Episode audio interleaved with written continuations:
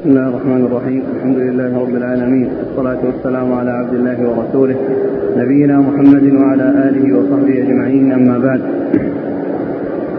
قال الإمام الحافظ أبو عيسى الترمذي يرحمه الله تعالى في جامعه باب ما جاء في من حلف على سلعة كاذبة. قال حدثنا محمود بن غيلان. قال حدثنا أبو داود. قال أنبأنا شعبة. قال أخبرني علي بن مدرك. قال سمعت أبا زرعة بن عمرو بن جرير يحدث عن خرشة بن الحر عن أبي ذر رضي الله عنه عن النبي صلى الله عليه وعلى آله وسلم أنه قال ثلاثة لا ينظر الله إليهم يوم القيامة ولا يزكيهم ولهم عذاب أليم.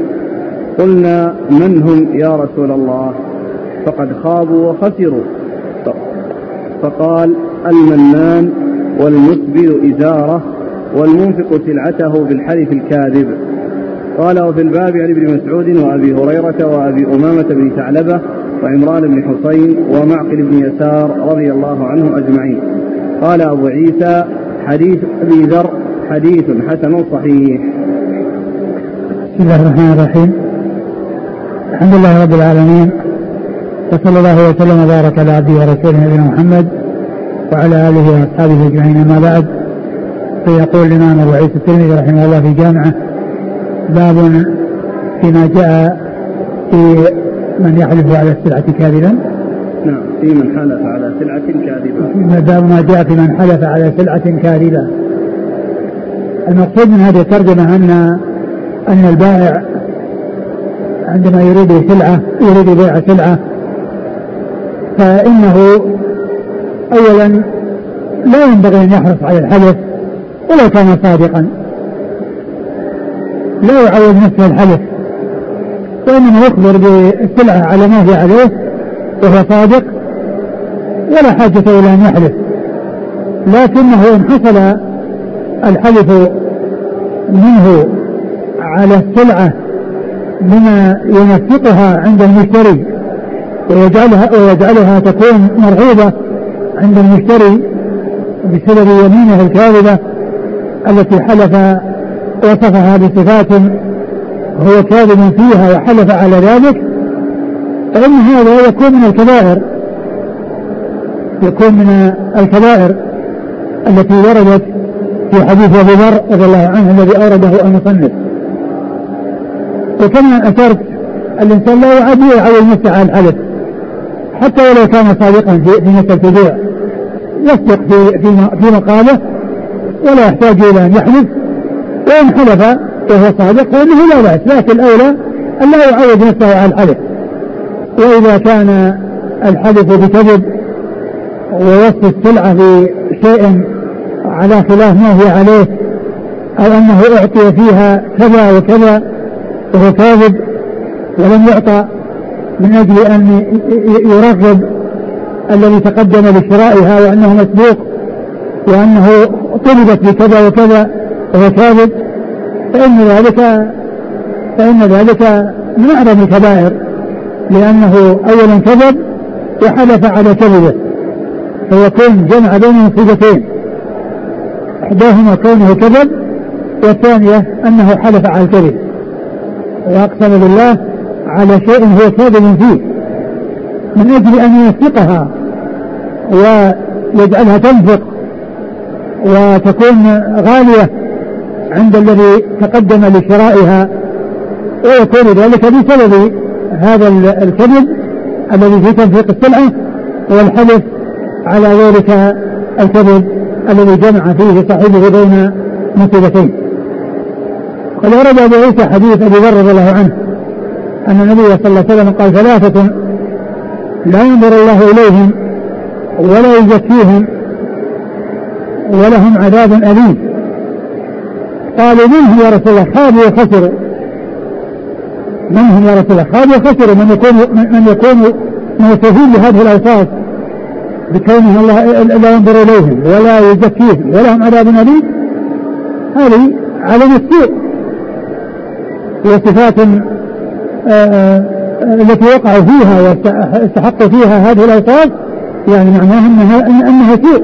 وأنها خطيرة وأنها عظيمة التي يستحق صاحبها أن الله عز وجل لا ينظر إليه ولا يزكيه ولا عذاب أليم وهذا الذي جاء في الحديث من الأساليب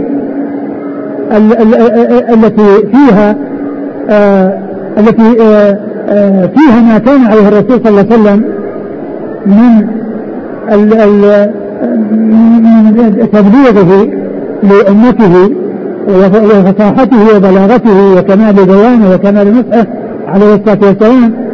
وذلك أنه قبل أن يذكر الأشياء المعدودة يذكر العدد ويذكر صفات هذه الأشياء المعدودة من أجل أن السامع يستعد ويتهيأ لمعرفة هذه الثلاث التي هذا شأنها وهذه صفتها وأن أصحابها هم كذا وكذا لا ينظر الله إليهم ولا يزكيهم ولهم عذاب أليم.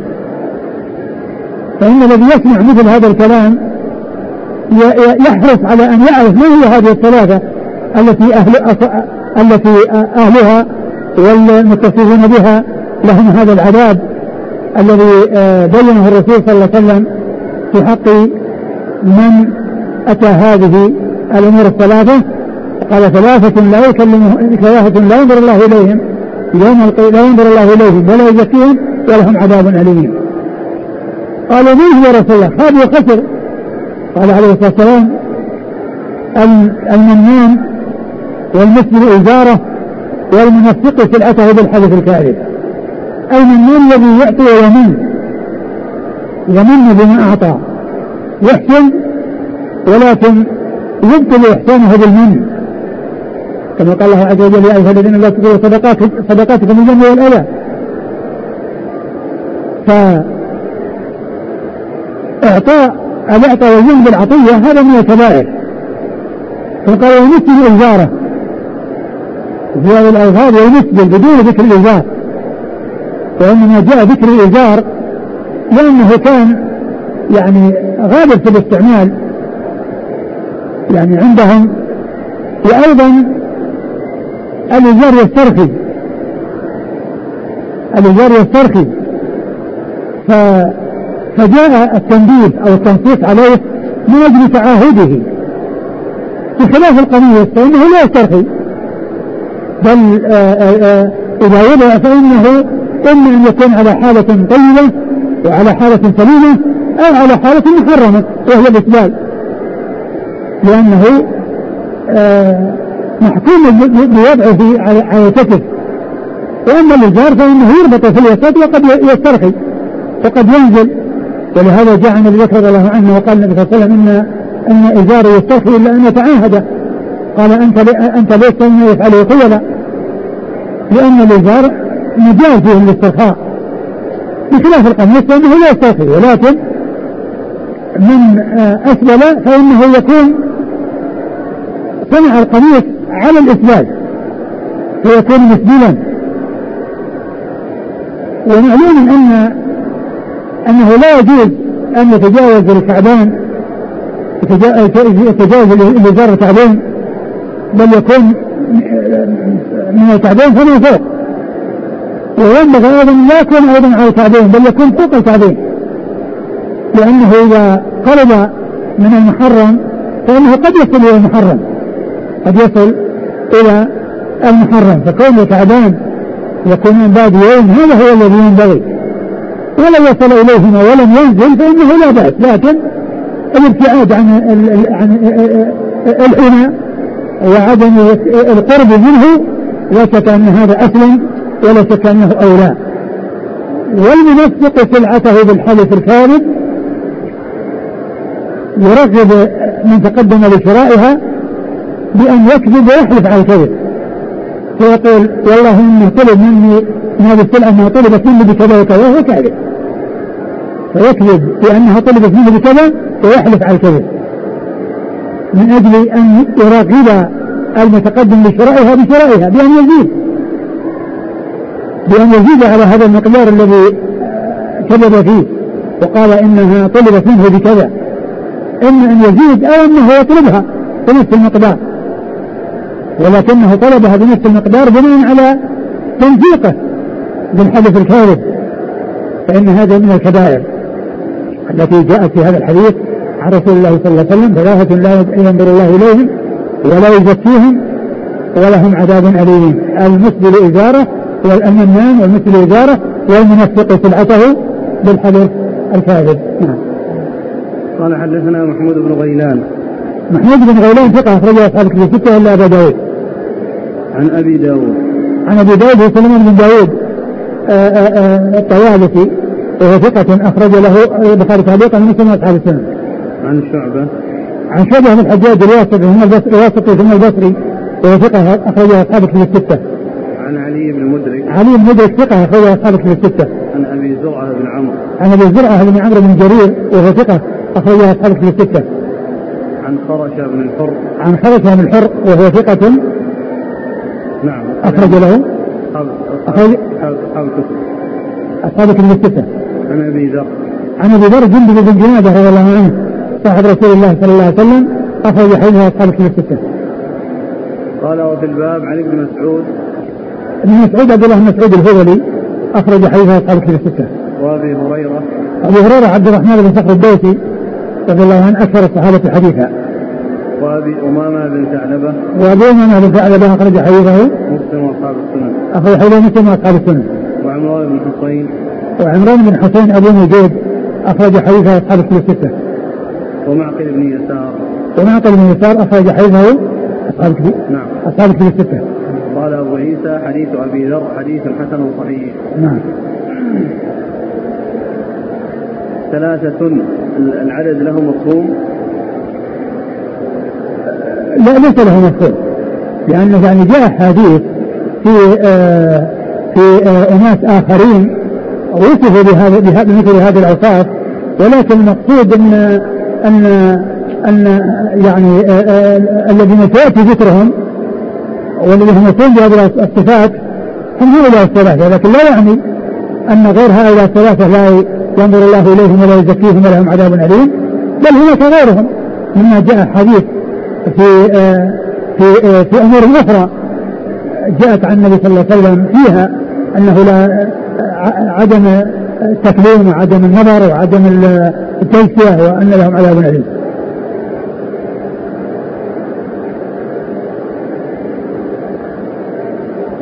قوله لا ينظر الله إليهم المنفي أي نظر نظر ال- نظر ال- الرحمة ونظر ال-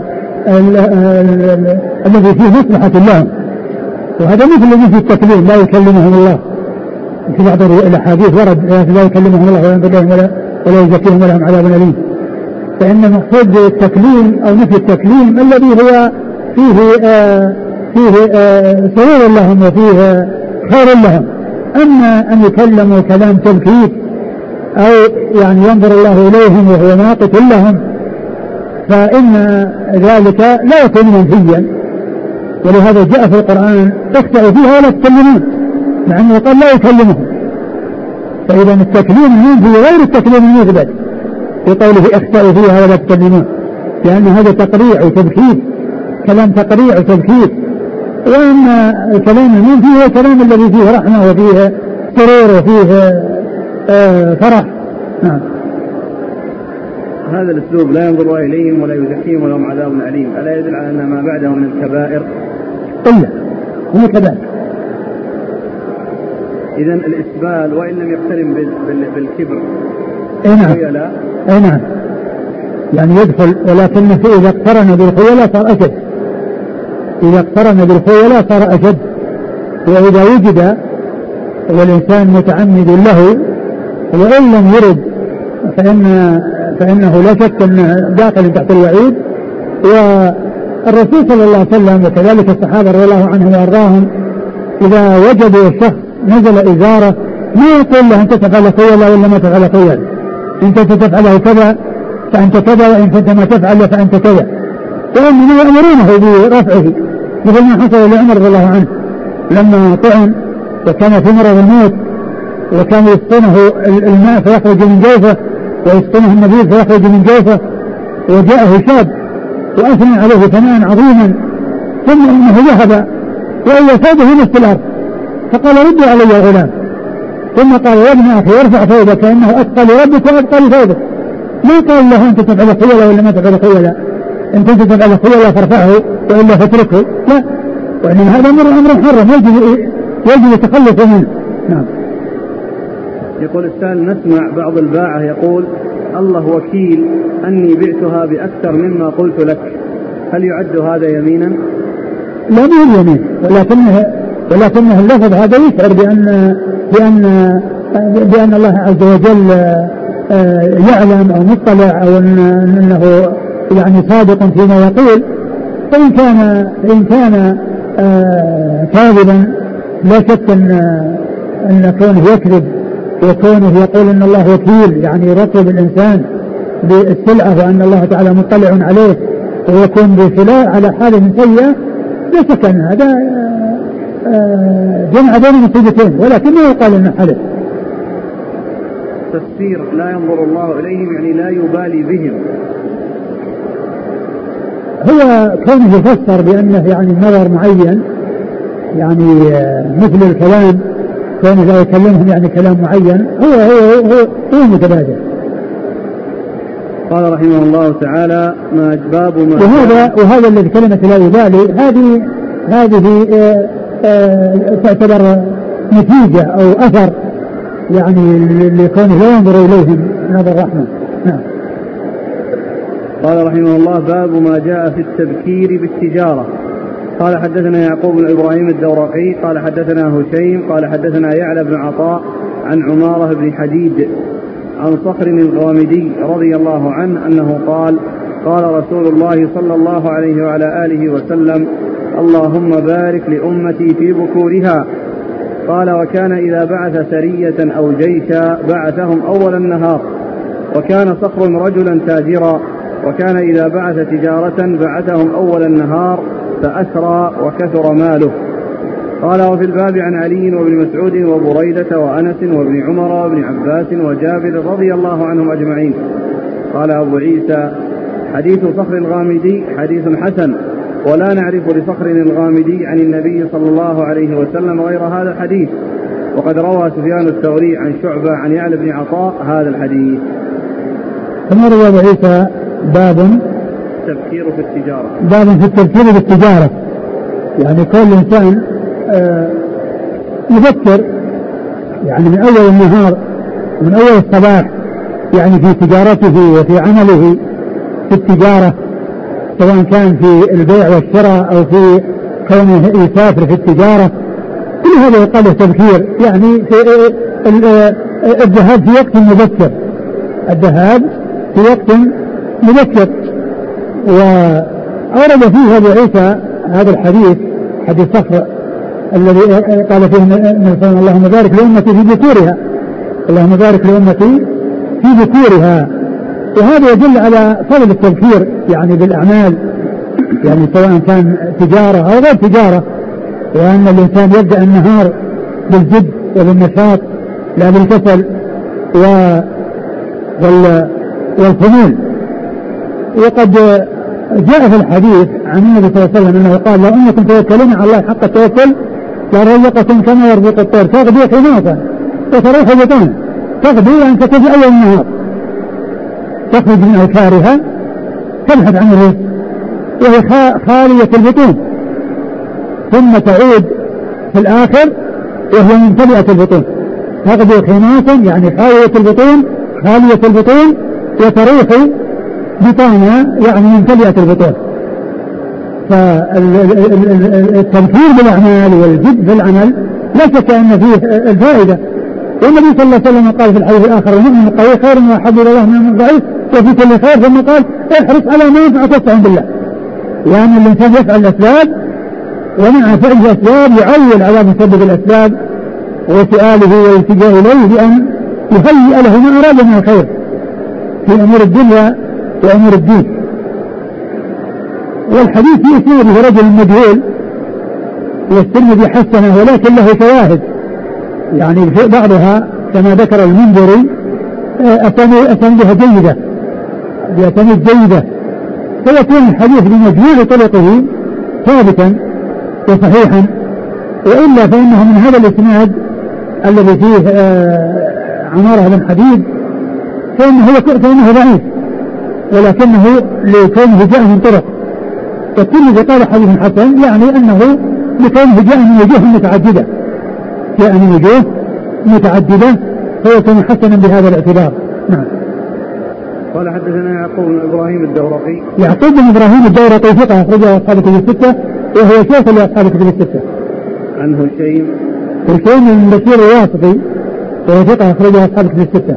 عن يعلى بن عطاء. عن يعلى بن عطاء وهو صديق أخرج له. ثقة أخرج له البخاري في القراءه ومسلم وأصحاب السنة. ثقة؟ نعم. اخرجه البخاري في القراءه هو ومسلم وأصحاب السنة. مسلم وأصحاب السنة. عن عمارة بن حديد. عن عمارة بن حديد وهو مجهول أخرج له. أصحاب السنن. أخرج له أصحاب السنة. عن صخر الغامدي. فصخر الغامدي آه، أخرج له. أصحاب السنن. أصحاب السنة. قال وفي الباب عن علي. علي علي بن أبي طالب أمير المؤمنين ورابع الخلفاء الراشدين. الهادي المهديين صاحب المناقب الجنة والفضائل الكبيرة وحديثه أخرجه أصحاب الستة. وابن مسعود. نعم. وأبو ريدة. برجه بن حصيب الأسلمي أخرج له أصحاب الستة. وأنس. وأنس بن مالك خادم النبي صلى الله عليه وسلم وأحد السبع المعروفين بكثرة الحديث عن النبي عليه الصلاة والسلام. وابن عمر. وابن عمر عبد الله بن عمر بن الخطاب أحد العباده الأربعة واحد السبعه المكثرين من حديث رسول الله صلى الله عليه وسلم. وابن عباس عبد الله بن عباس أحد العبادلة واحد السبعة المكثرين من حديث رسول الله صلى الله عليه وسلم. وجابر. وجابر بن عبد الله رضي الله تعالى عنهما أحد السبعة المكثرين من حديث رسول الله صلى الله عليه وسلم. قال أبو عيسى حديث صخر الغامدي حديث حسن ولا نعرف لصخر الغامدي عن النبي صلى الله عليه وسلم غير هذا الحديث. وقد روى سفيان الثوري. سفيان الثوري سفيان بن سعيد بن مسروق الثوري ثقة فقيه أخرجه أصحاب في الستة. عن شعبة عن يعلى عن شعبة. شعبة مرة ذكره عن يعلى بن عطاء هذا الحديث. نعم. قال رحمه الله تعالى باب ما جاء في الرخصة في الشراء إلى أجل. قال حدثنا أبو حفص عمرو بن علي. قال أخبرنا يزيد بن زريع. قال أخبرنا عمارة بن أبي حفصة. قال أخبرنا عكرمة عن عائشة رضي الله عنها أنها قالت كان على رسول الله صلى الله عليه وآله وسلم ثوبان فقريان غليظان فكان إذا قعد فعرق ثقلا عليه فقدم بز من الشام لفلان اليهودي فقلت لو بعثت إليه فاشتريت منه ثوبين إلى الميسرة فأرسل إليه فقال قد علمت ما يريد. إنما يريد أن يذهب بمالي أو بدراهمي. فقال رسول الله صلى الله عليه وسلم كذب قد علم أني من أتقاهم لله وآداهم للأمانة. قال وفي الباب عن ابن عباس وأنس وأسماء بنت يزيد رضي الله عنهم أجمعين. قال أبو عيسى حديث عائشة حديث حسن غريب صحيح. وقد رواه شعبة أيضا عن عمارة بن أبي حفصة. قال وسمعت محمد بن فراس البصري يقول سمعت أبا داود الطيالسي يقول سئل شعبة يوما عن هذا الحديث فقال لست أحدثكم حتى تقوموا إلى حرمي بن عمارة بن أبي حفصة فتقبلوا رأسه. قال وحرمي في القوم. قال أبو عيسى أي إعجابا بهذا الحديث. ثم ورد أبو عيسى هذا باب في الشراء إلى أجل؟ الرخصة في الشراء إلى أجل. نعم. ما جاء في الرخصة. باب في ما جاء في الرخصة في الشراء إلى أجل. يعني كون الإنسان يشتري السلعة والثمن مؤجلا لا يدفع عند عند الشراء. يعني تعجيل المثمن وتأجيل الثمن. وهذا جائز بالاتفاق ولا خلاف بين أهل العلم في ذلك. وقد جاء في القرآن يا أيها الذين آمنوا إذا تدينتم بدين لأجل مسمى فاكتبوه. إذا تدينتم بدين لأجل مسمى فاكتبوه الإنسان يشتري سلعة والثمن ليس موجود وإنما يكون غائبا لا بأس بذلك. وإنما الخلاف فيما إذا كان الثمن بسعر أزيد من سعر النقد. هذا هو الذي حكي فيه شيء من الخلاف. وإلا فإن الجمهور من أهل العلم والذي حكاه الشوكاني في نيل الاوطار عند شرح حديث بيعتين في بيعة. وقال إن إن زيادة الثمن من أجل التأجيل أن ذلك جائز وان عليه جمهور العلماء وذكر أنه لا يعلم أحد خالف في ذلك إلا شخص أو شخصين سماهم. وقال إنه ألف في ذلك رسالة سماها شفاء العليل في ما جاء في زيادة الثمن من أجل التأجيل.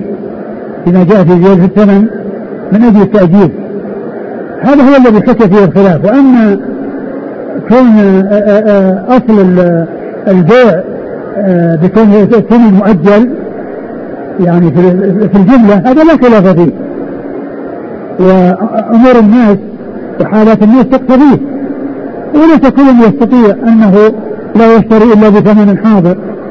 والرسول صلى الله عليه وسلم جاء عنه في أحاديث عديدة أنه كان يعني يشتري ويكون ثمن مؤجلا وكذلك ومن ذلك ما, ما سيأتي أن أن درعه كان مرهون عند يهودي في عشرين صاعا من شعير اشتراه لأهله.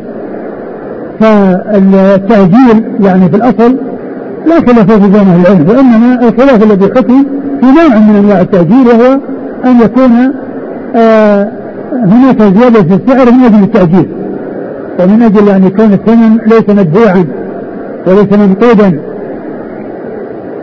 آه أورد في ذلك أبو عيسى حديث حديث عائشة رضي الله عنها أن أن أن الرسول صلى الله عليه وسلم كان عليه ثوبان قطريان يعني غليظان وأنهما إذا عرق يعني آه، ثقل عليه أو ثقل عليه فجاء بز ف وكان اليهودي فقيل له لو لو آه أنك اشتريت يعني ثوبين إلى أجل إلى ميسره يعني إلى الوقت الذي يكون الثمن متيسرا يعني معناه ثمن مؤجل. مثل ما قال الله عز وجل وإن كان له عسرة فنظر إلى ميسره يعني الإنسان الذي يكون عليه آه حق مؤجل ثم لا يجد السداد فإن المطلوب أحد أمرين. إما نظره إلى ميسرة وإما أن يتجاوز ويتسامح عن حقه. إما نظره إلى ميسرة أو تجاوز وهو أحسن وأفضل والمسامحة والإسقاط. فجاء وصل إلى اليهودي فقال إنما يريد أن يذهب بمالي أو يعني يأخذ نقودي.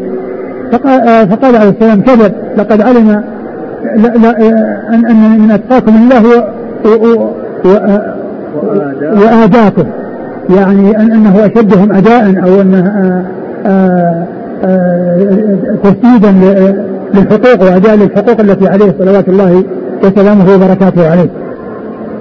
الحاصل المقصود أنه قيل له لو أنك اشتريت إلى ميسره يعني أن يأخذ الثوبين والثمن يكون مؤجل إلى حين اليسار كونه يكون عنده المبلغ الذي يسدده. نعم. قال حدثنا أبو حفص عمرو بن علي. أبو حفص عمرو بن علي الفلاس وهو ثقة أخرجها أصحاب كتب الستة. وهو شيخ لأصحاب كتب الستة. عن يزيد بن زريع. يزيد بن زريع ثقة أخرجها أصحاب كتب الستة. عن عمارة بن أبي حفصة. عمارة بن أبي حفصة هو ثقة أخرج البخاري وأصحاب السنن. ثقة أخرج البخاري وأصحاب السنن. عن عكرمة عن عكرمة هو ابن عباس ثقة أخرج أصحاب الستة عن عائشة عن عائشة أم المؤمنين رضي الله عنها الصديقة بنت الصديق وهي واحدة من سبعة أشخاص عرف بكثرة الحديث عن النبي صلى الله عليه وسلم. قال وفي الباب عن ابن عباس وأنس وأسماء بنت يزيد. أسماء بنت يزيد أخرج حديثها المفرد وأصحاب السنن. البخاري في المفرد وأصحاب السنن. قال أبو عيسى حديث عائشة حديث حسن غريب صحيح وقد رواه شعبة أيضا عن عمارة بن أبي حفصة. نعم.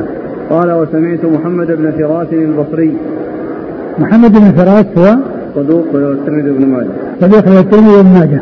يقول سمعت أبا داود الطيالسي يقول سئل شعبة يوما عن هذا الحديث فقال لست أحدثكم حتى تقوموا إلى حرمي بن عمارة بن أبي حفصة فتقبلوا رأسه. آه، شعبة سئل عن هذا الحديث فقال لست أحدثكم إلا, أن تقوموا إلى حرمي بن عمارة الذي روى عنه هذا الحديث اللي هو أبوه آه، الذي روى عن شعبة هذا الحديث فتقبلوا رأسه. يعني إنه فرحا بهذا الحديث أو اعزازا له ورفعا من شأنه من شأن والده من أجل والده الذي حدثه في هذا الحديث وكان حرمي ابن عمارة موجودا حاضرا في القوم. والمقصود من ذلك آه، آه، آه، تعظيمه وتوقيره من أجل والده الذي حدث بهذا الحديث. نعم. قال وحرمي في القوم قال أبو عيسى إعجابا بهذا الحديث. نعم. قال حدثنا محمد بن بشار قال حدثنا ابن أبي عدي وعثمان بن عمر عن هشام بن حسان عن عكرمة عن ابن عباس رضي الله عنهما أنه قال توفي النبي صلى الله عليه وآله وسلم ودرعه مرهونة بعشرين صاعا من طعام أخذه لأهله. قال أبو عيسى هذا حديث حسن صحيح. وهذا أيضا يدل على التعجيل وعلى حصول التعجيل. وذلك كان النبي صلى الله عليه وسلم توفي ودرعه مرهونة بعشرين صاعا اشتراها شعير شعير اشتراها لأهله عليه الصلاة والسلام. وهو يدل على التأجيل وعلى تأجيل الثمن. وأنه يجوز أن يقدم المثمن ويؤجل الثمن وأيضا يجوز الرهن. والرهن هو توثقة الدين بعين. توثقة الدين بعين. يعني بمعنى أن الدين الذي يكون على الإنسان يرهن عينا حتى يعرف أو يطمئن إلى صاحب الحق أن حقه إذا لم يحصل فإنه يحصل من هذه العين. بأن تباع ويؤخذ الثمن منها. ولهذا الرهن جاءت به الشريعة وهذا من أدلته وهو توثقة دين بعين لأن الدين هو عشرون صاعا والعين التي آه، وثق بها هي الدرع. نعم. قال حدثنا محمد بن بشار. محمد بن بشار هو ملقب بن دار البصري ثقة أخرج أصحاب في الستة هو شيخ الأصحاب في الستة. عن ابن أبي عدي. عن ابن أبي عدي محمد بن إبراهيم. وهو ثقة. اخرج اصحاب في الستة. نعم. وعثمان بن عمر. وعثمان بن عمر ثقة. أخرج له. أصحاب في الستة. عثمان بن أبي عمر. عندكم أبي زائدة. عن هشام بن كما أن أبو حفص الذي مرت مكتوب عمر وهو عمر. نعم. عن هشام بن حسان. هشام بن حسان ثقة. أخرج أصحاب في الستة. عن عكرمة عن ابن عباس. نعم. قال حدثنا محمد بن بشار قال حدثنا ابن أبي عدي عن هشام الدستوائي عن قتادة عن أنس. قال حاء وحد قال حاء قال محمد وحدثنا معاذ بن هشام قال حدثنا أبي عن قتادة عن أنس رضي الله عنه أنه قال مشيت إلى النبي صلى الله عليه وآله وسلم بخبز شعير وإهالة سنخة. ولقد رهن له درع عند يهودي بعشرين صاعا من طعام أخذه لأهله. ولقد سمعته ذات يوم يقول ما أمسى في آل محمد صلى الله عليه وسلم صاع تمر ولا صاع حب وإن عنده يومئذ لتسع نسوة. قال أبو عيسى هذا حديث حسن صحيح. نعم الحديث الأول. عن أنس قال مشيت إلى النبي صلى الله عليه وسلم بخبز شعير وإهالة سنخه. يعني مشيت يعني مشى هو النبي صلى الله عليه وسلم إلى إلى يهودي وأكل عنده آه، إهالة يعني آه، سنخه والإهالة هي الايجام يعني من زيت أو شحم أو مع ذلك سنخه يعني قد تغيرت رائحته يعني حصل فيه رائحة يعني بسبب تغير وشعير إيش؟ بخبز بخبز شعير وإهالة سنقة نعم بخبز شعير يعني خبز من شعير وإهالة سنقة يعني طعام آه طعام آه عادي أو يعني شيء يعني ليس بال بالفاخر أو بالجيد لأن خبز الشعير يعني كما هو معلوم يعني أقل من الخبز من غيره وكذلك يعني الإهالة السنقة التي فيها رائحة أو شيء متغير الرائحة نعم. ولقد رهن له درع عند يهودي بعشرين صاعا من طعام أخذه لأهله. وهذا هو محل الشاهد يعني من ناحية البيع إلى أجل. نعم. ولقد سمعته ذات يوم يقول ما أمسى في آل محمد صلى الله عليه وسلم صاع تمر ولا صاع حب وإن عنده يومئذ لتسع نسوة. وسمعته يعني الرسول صلى الله عليه وسلم يعني أنا سمع الرسول صلى الله عليه وسلم يقول يعني هذا الكلام. نعم. ثم قال وعنده تسع نسوة يعني أنس يخبر أنه في ذاك الوقت عنده تسع نسوة نعم. قال حدثنا محمد بن بشار عن ابن أبي عدي عن هشام الدستوائي. هشام الدستوائي ثقة أخرج أصحاب في الستة. عن قتادة. قتادة من دعامة السدوسي البصري ثقة أخرج أصحاب في الستة. قال حاء قال محمد عندنا ابن هشام. لا هو محمد هو بن بشار. كانت ابن هشام هذه زائدة. وحدثنا معاذ بن هشام. معاذ بن هشام؟ ثقة. أخرج له أصحاب ربما وهم نعم. صدوق صدوق ربما ربما أخرج أصحاب في الستة. آه، عن أبيه عن قتادة عن أنس. نعم. هم اللي في الاستاذ اللي قبلها هذا.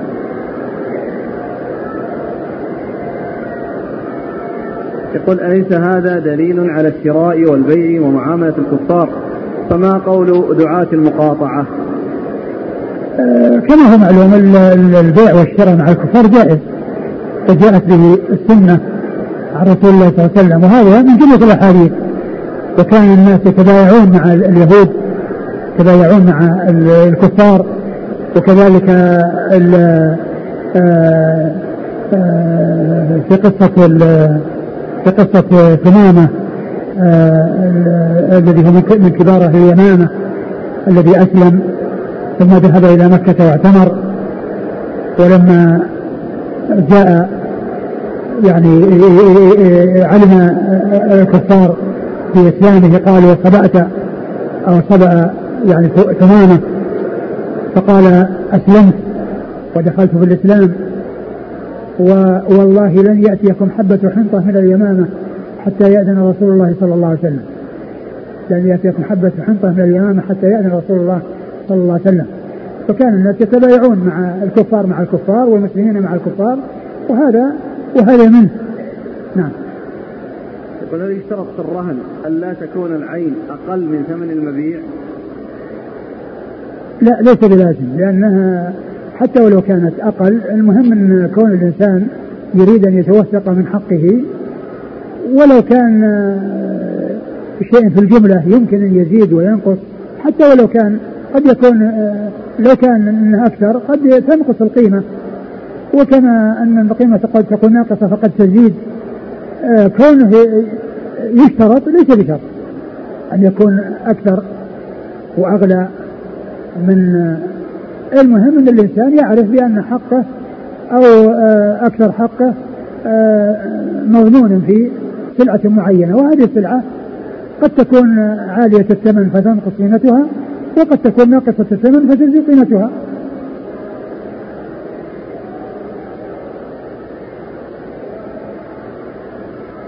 قال رحمه الله تعالى باب ما جاء في كتابة الشروط قال حدثنا محمد بن بشار قال أخبرنا عباد بن ليث صاحب الكرابيسي البصري. قال أخبرنا عبد المجيد بن وهب. قال قال لي العداء بن خالد بن هوذة رضي الله عنه. ألا أقرئك كتابا كتبه لي رسول الله صلى الله عليه وآله وسلم؟ قال قلت بلى. فأخرج لي كتابا. هذا ما اشترى العداء بن خالد بن هوذة من محمد رسول الله صلى الله عليه وسلم. اشترى منه عبدا أو أمة لا داء ولا غائلة ولا خبثة بيع المسلم المسلم. قال أبو عيسى هذا حديث حسن غريب لا نعرفه إلا من حديث عباد بن ليث وقد روى عنه هذا الحديث غير واحد من أهل الحديث. ثم ورد أبو عيسى باب الشروط كتابة الشروط في البيع.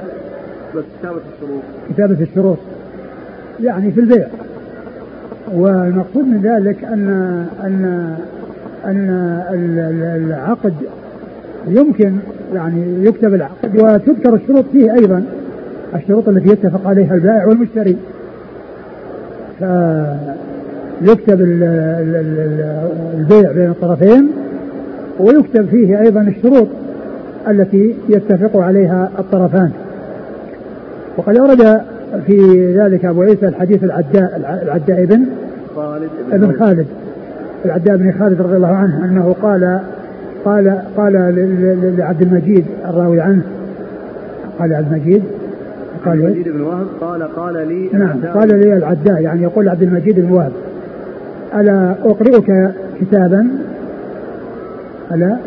ألا أقرئك كتابا كتبه لي رسول الله صلى الله عليه وسلم؟ يعني ألا أقرئك أني أقرأ عليك كتابا كتبه لي رسول الله صلى الله عليه وسلم يعني في شراء تم بينه وبينه. قال نعم فقرأ عليه هذا هذا. هذا ما اشترى العداء بن خالد بن هودة من محمد رسول الله صلى الله عليه وسلم. اشترى منه عبدا أو أمة.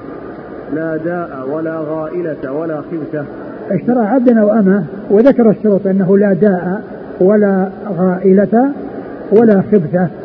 هذه الشروط أنه يعني لا يعلم فيه يعني شيئا من هذه هذه ال ال ال ال هذه الأشياء التي هو كونها آه الأول.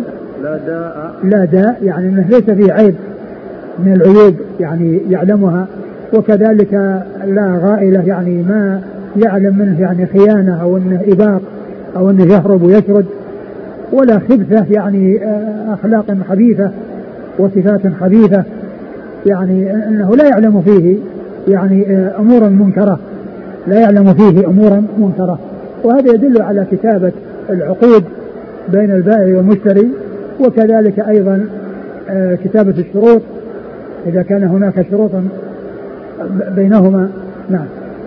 بيع المسلم المسلم. بيع المسلم المسلم يعني أن هذا هو آه، شأن بيع المسلم للمسلم وكذلك أيضا المسلم لغيره يعني أنه لا يخونه ولا يخفي عليه عيوبا بل يعامل غيره بمعاملة حسنة. لكن لما كان التعامل في الغالب بين المسلمين جاء التنصيص على ذكر المسلم أو بيع المسلم المسلم نعم.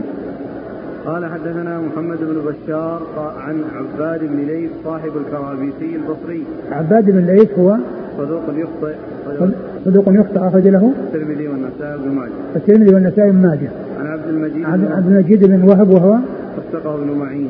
وثقه ابن معين أخرج له أصحاب السنن. أصحاب السنن. عن العداء وهو صحابي أخرج له البخاري تعليقا وأصحاب السنن البخاري تعليقا وأصحاب السنن قال أبو عيسى هذا حديث حسن غريب لا نعرفه إلا من حديث عباد بن ليث وقد روى عنه هذا الحديث غير واحد من أهل الحديث. قال رحمه الله تعالى باب ما جاء في المكيال والميزان. قال حدثنا سعيد بن يعقوب الطالقاني قال حدثنا خالد بن عبد الله الواسطي عن حسين بن قيس عن عكرمة عن ابن عباس رضي الله عنهما أنه قال قال رسول الله صلى الله عليه وآله وسلم لأصحاب المكيال والميزان إنكم قد وليتم أمرين.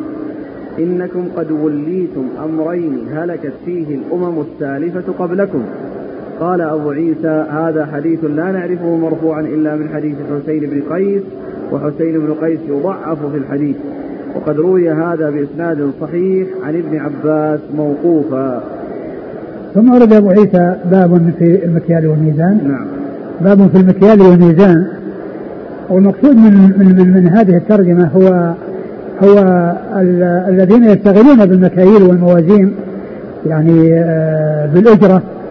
يعني يعني يزنون للناس أو يكيلون للناس بالأجرة وأن الواجب عليهم أن يقوموا بال بالعدل ولا ينقصوا آه، آه، الحق ممن يستحقه ولا يبخسوه ولا يعطوا أحدا لا يستحقه وإنما يعطون كل ذي حق حقه فلا يظلمون لا البائع ولا المشتري.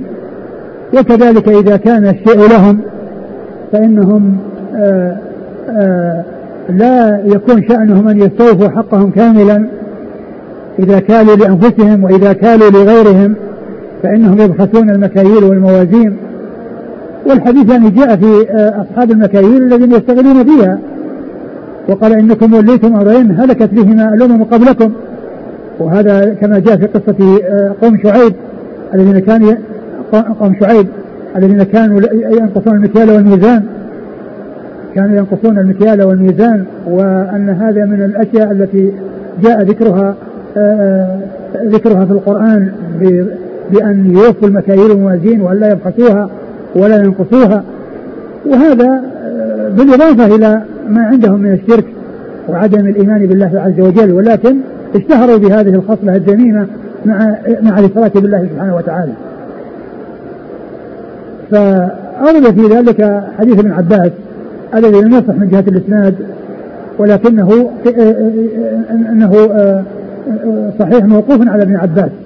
وأما مرفوع إلى الرسول صلى الله عليه وسلم فإنه جاء من طريق من طريق شخص آه لا يثبت به الحديث وهو إيش اسمه؟ حسين؟ بن قيس. حسين بن قيس. هذا اللي قال عنه متروك؟ نعم. آه اللي قال عنه متروك. نعم. قال حدثنا سعيد بن يعقوب الطالقاني. هو؟ ثقة أخرج أبو داود والترمذي والنسائي. ثقة أخرج أبو داود والترمذي والنسائي. عن خالد بن عبد الله الواسطي. خالد بن عبد الله الواسطي ثقة هو الطحان وهو ثقة أخرج أصحابه في الستة. عن حسين بن قيس. عن حسين حسين بن قيس ومتروك أخرجه الترمذي وابن ماجه. عن عكرمة عن ابن عباس. نعم.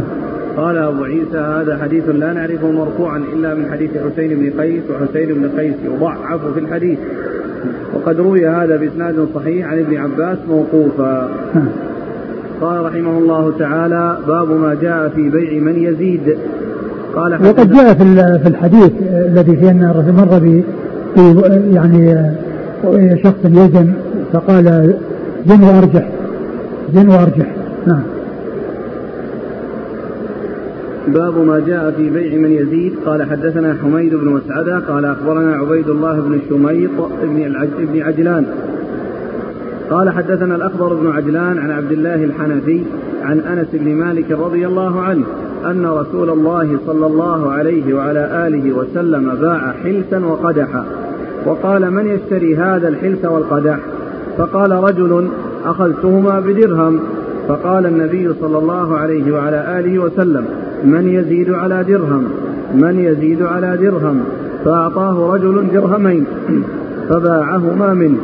قال أبو عيسى هذا حديث حسن لا نعرفه إلا من حديث الأخضر بن عجلان.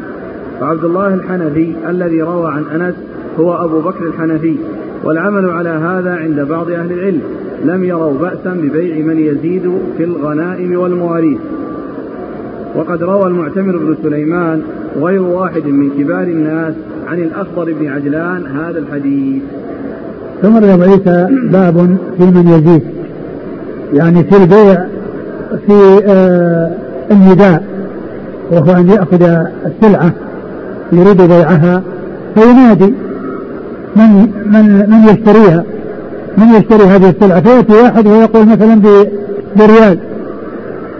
فيقول من يزيد على الذي قال ريال وهكذا ثم يعني إما يبيعها إذا رغب بيعها أو يرجع بها إذا كان ما حصل القيمة التي يريدها. هذا يسمى من يزيد. لأن البائع آه، عندما تسام منه أول ثوم يقول من يزيد. يعني من يزيد على الثوم هذا اللي هو أول شيء. لأنه هو يقول من يشتري. أول من يشتري. قبل أن تسام من يشتري فإذا طلبت بسعر قال من يزيد يعني على هذا السعر الذي طلبت فيه؟ هذا هو البيع هذا البيع الذي يعرف ببيع من يزيد ويسمى الآن الحراج يعني بيع الحراج. يعني ينادى على السلع ويفوت بها ويأتي من يريد شراءها فيزيد ثم يأتي الثاني ويزيد وهكذا.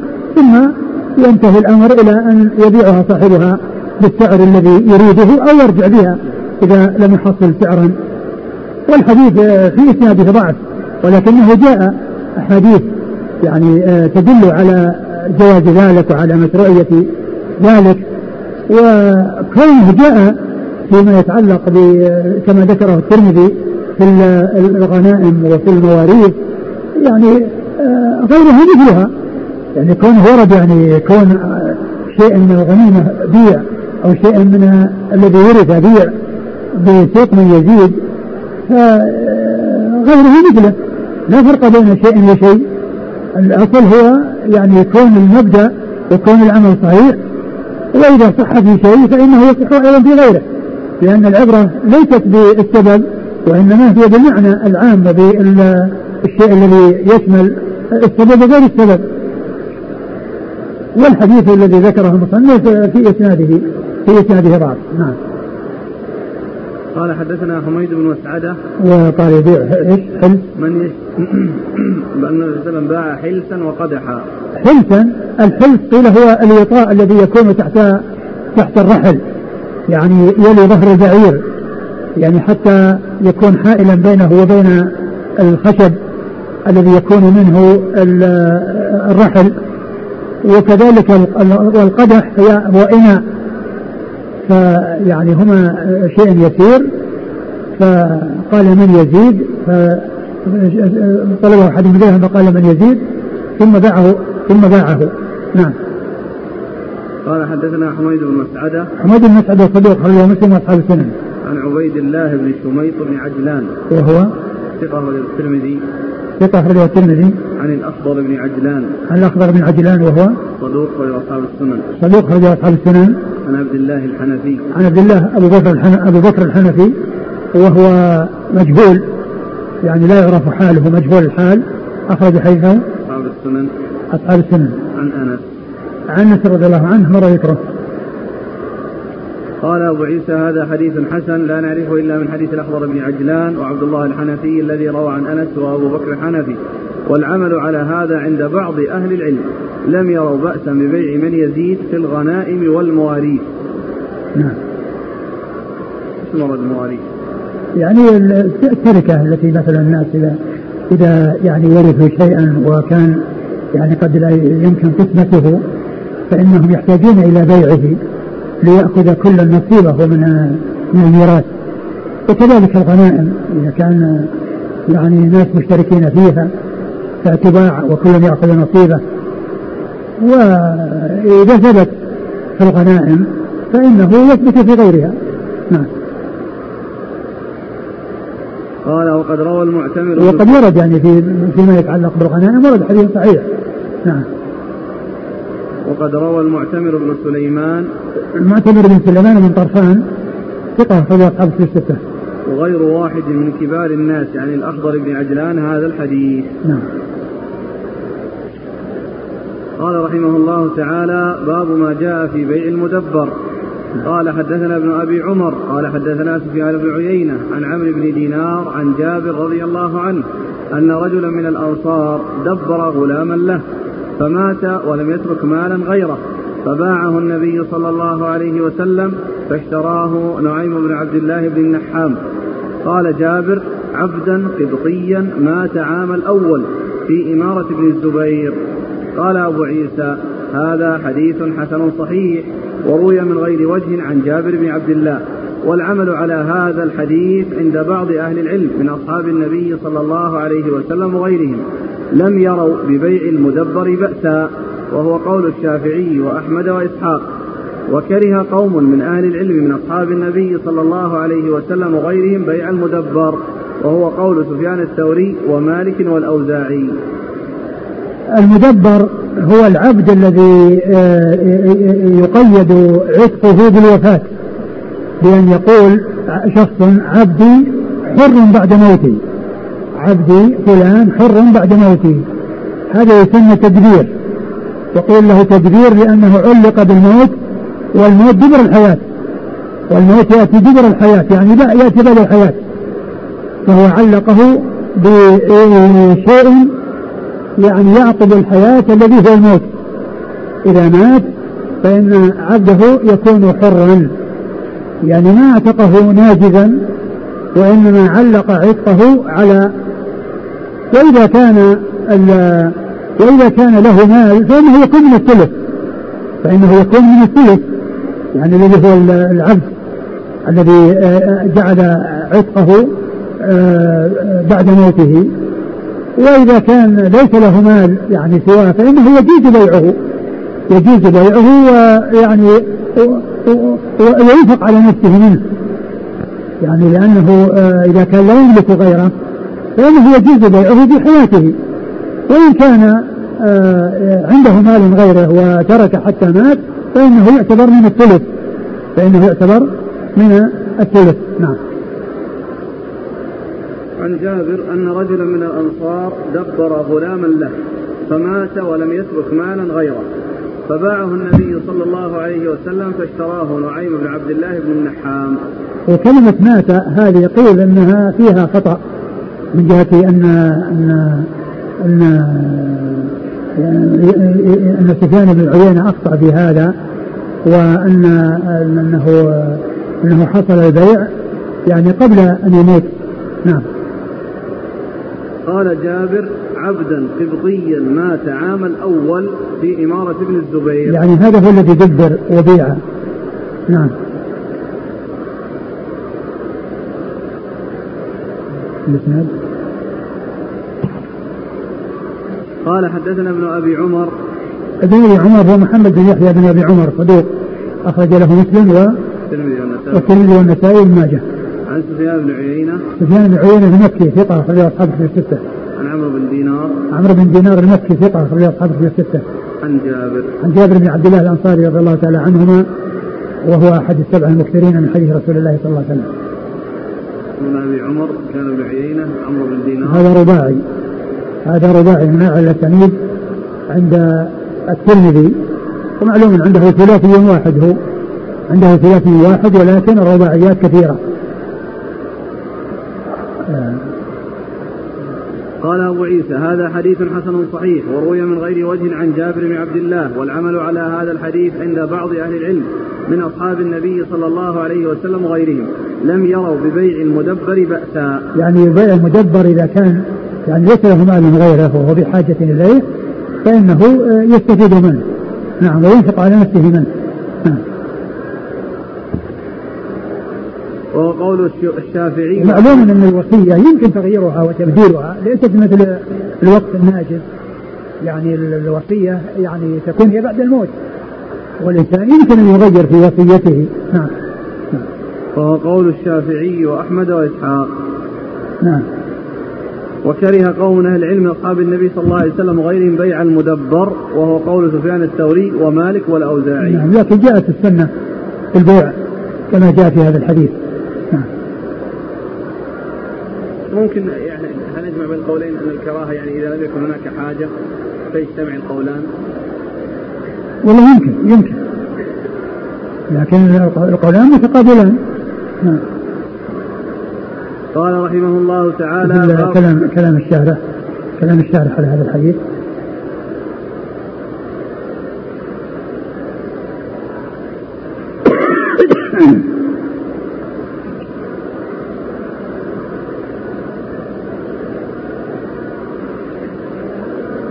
قال الشافعي في. قال الشوكاني في النيل والحديث يدل على جواز بيع المدبر مطلقا من غير تقييد بالفسق. بالفسق والضرورة وإليه ذهب الشافعي وأهل الحديث ونقله البيهقي في المعرفة عن أكثر الفقهاء وحكى النووي عن الجمهور أنه لا يجوز بيع المدبر مطلقا والحديث يرد عليهم انتهى وفي ذاك الكلام اللي حول سفيان بن عيينة إيه فمات. إيه. قال العيني في عمدة القاري هذا مما نسب به سفيان بن عيينة إلى الخطأ. أعني قوله فمات. ولم يكن سيده مات كما هو مصرح به في الأحاديث الصحيحة. وقد بين الشافعي خطأ ابن عيينة فيها بعد أن رواه عنه. وقال البيهقي من طريق شريك عن سلمة بن كهيل عن عطاء. والحديث المتعلق ببيع المدبر جاء في الصحيحين. وهو من حديث عمدة الأحكام. وآخر باب في عمدة الأحكام باب بيع المدبر. آخر باب في عمدة الأحكام للمقدسي عبد الغني المقدسي رحمه الله هو بيع المدبر. نعم. والله تعالى أعلم وصلى الله وسلم وبارك على أبي ورسوله نبينا محمد وعلى آله وأصحابه أجمعين. كان نقرأ على هذا نسبة الخطأ إلى ابن أي نعم. نعم. يقول وقد بين الشافعي خطأ ابن عيينة فيها بعد أن رواه عنه وقال البيهقي من طريق شريك عن سلام بن كيل عن عطاء وأبي الزبير عن جابر أن رجلا مات وترك مدبرا ودينا. ثم قال البيهقي وقد أجمعوا على خطأ شريك في ذلك. وقال شيخنا يعني الحافظ العراقي وقد رواه الأوزاعي وحسين المعلم وعبد المجيد بن سهيل كلهم عن عطاء لم يذكر أحد منهم هذه اللفظة بل صرحوا بخلافها. انتهى. نعم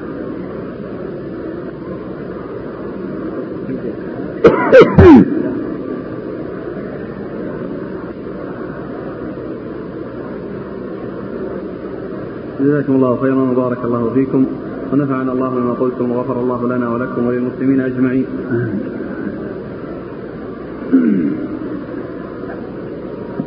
حديث صخر بن وداعة الغامدي اللهم بارك في بكورها ذكرت صلى الله عليكم أن له شواهد ذكر المنذري يصح.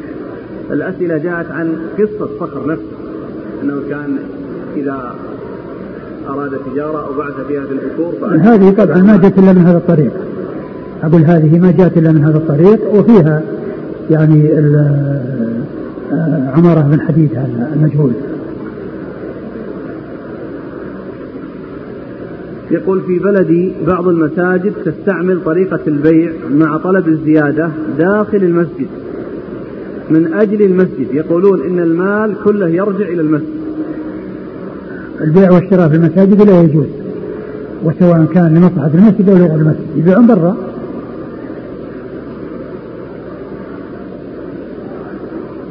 يقول آه بيع من يقول من يزيد. أليس هذا يدخل في البيع على بيع الآخر المنهي عنه؟ لا لا يدخل لأن ذاك آه آه ما كان يختلف عن هذا لأن ذاك رجل يعني يتبايع مع شخص فيأتي شخص ويدخل بينهما هذا غير سائق. وأما هذا إنسان جاء بالسلعة ليبيعها على من يكون أكثر ثمنا. فهو يقول من يزيد وهذا ثبت في السنة وذاك ثبت في السنة. فإذا المنفي غير مثبت لأن المنفي في ما إذا كان البيع والشراء مع شخص معين فيأتي شخص آخر ويدخل بينهما.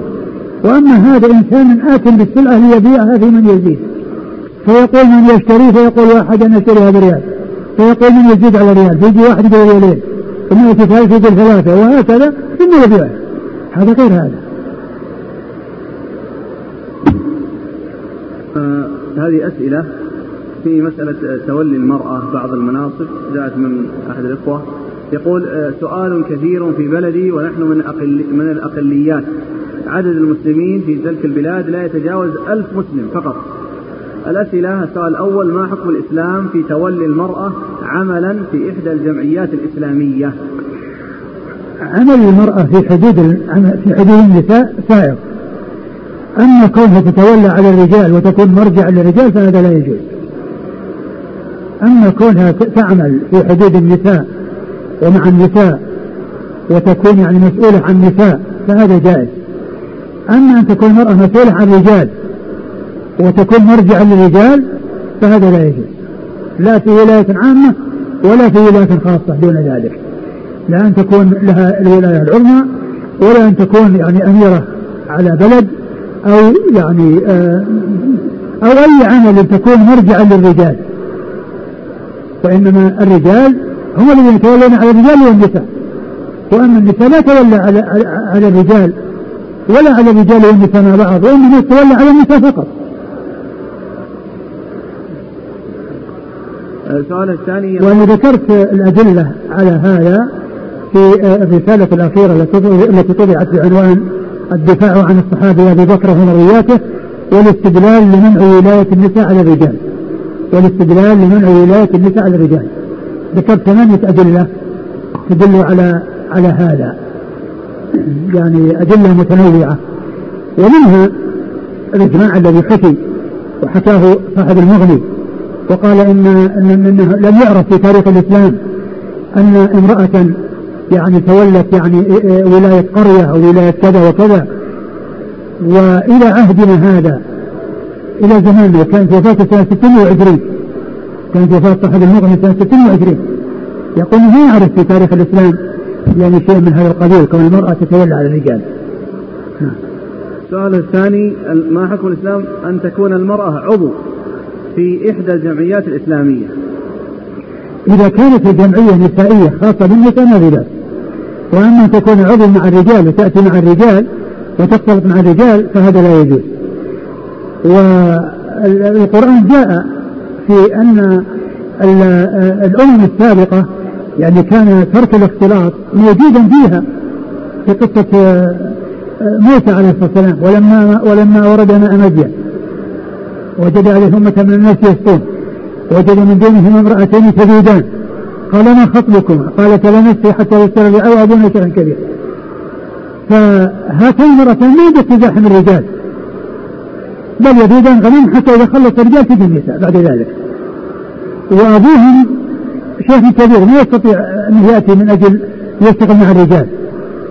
ولهذا اعتذرت عن موسى قالت أبونا شيخ كبير ما يستطيع أن يأتي يشتغل مع الرجال. فسقى لهما موسى عليه الصلاة والسلام. يعني سقى مع الرجال. فالاختلاط يعني ما كان موجودا حتى في يعني في هذه القصة تبين أن الاختلاط غير حاصل بين الرجال والنساء. نعم. قال الثالث يقول ما حكم الإسلام في اشتراك المرأة في الانتخابات سواء كانت في إحدى الجمعيات الإسلامية أو في اشتراك المرأة على انتخابات لتعيين رئيس الدولة. المرأة لا تتولى ولا تولي وسقيفة بني ساعدة لم يدخلها امرأة واحدة التي ولي فيها بكر رضي الله عنه. وكذلك المسجد عند بيعته ليس فيه امرأة واحدة وإنما البيعة هي للرجال وليست للنساء. فالنساء لا يتولين ولا يولين وإنما هن تابعات للرجال وحقهن أن يبقين في بيوتهن ويربين أطفالهن ويفعلن الأفعال التي جاءت الشريعة في حقهن. وأن الولاية والتولية فليست لهن. السؤال الأخير يقول أرجو من فضيلة الشيخ إرشادي إلى كتاب إن كان هناك كتاب يتكلم عن هذا الموضوع أي تولية المرأة عملا أن تكون عضو في جمعية أو اشتراكها في الانتخابات العامة أو الخاصة. أنا ذكرت يعني جملة من الأدلة يعني في هذا في كونها لا تولي ولا تولى. كونها لا تولي ولا تولى.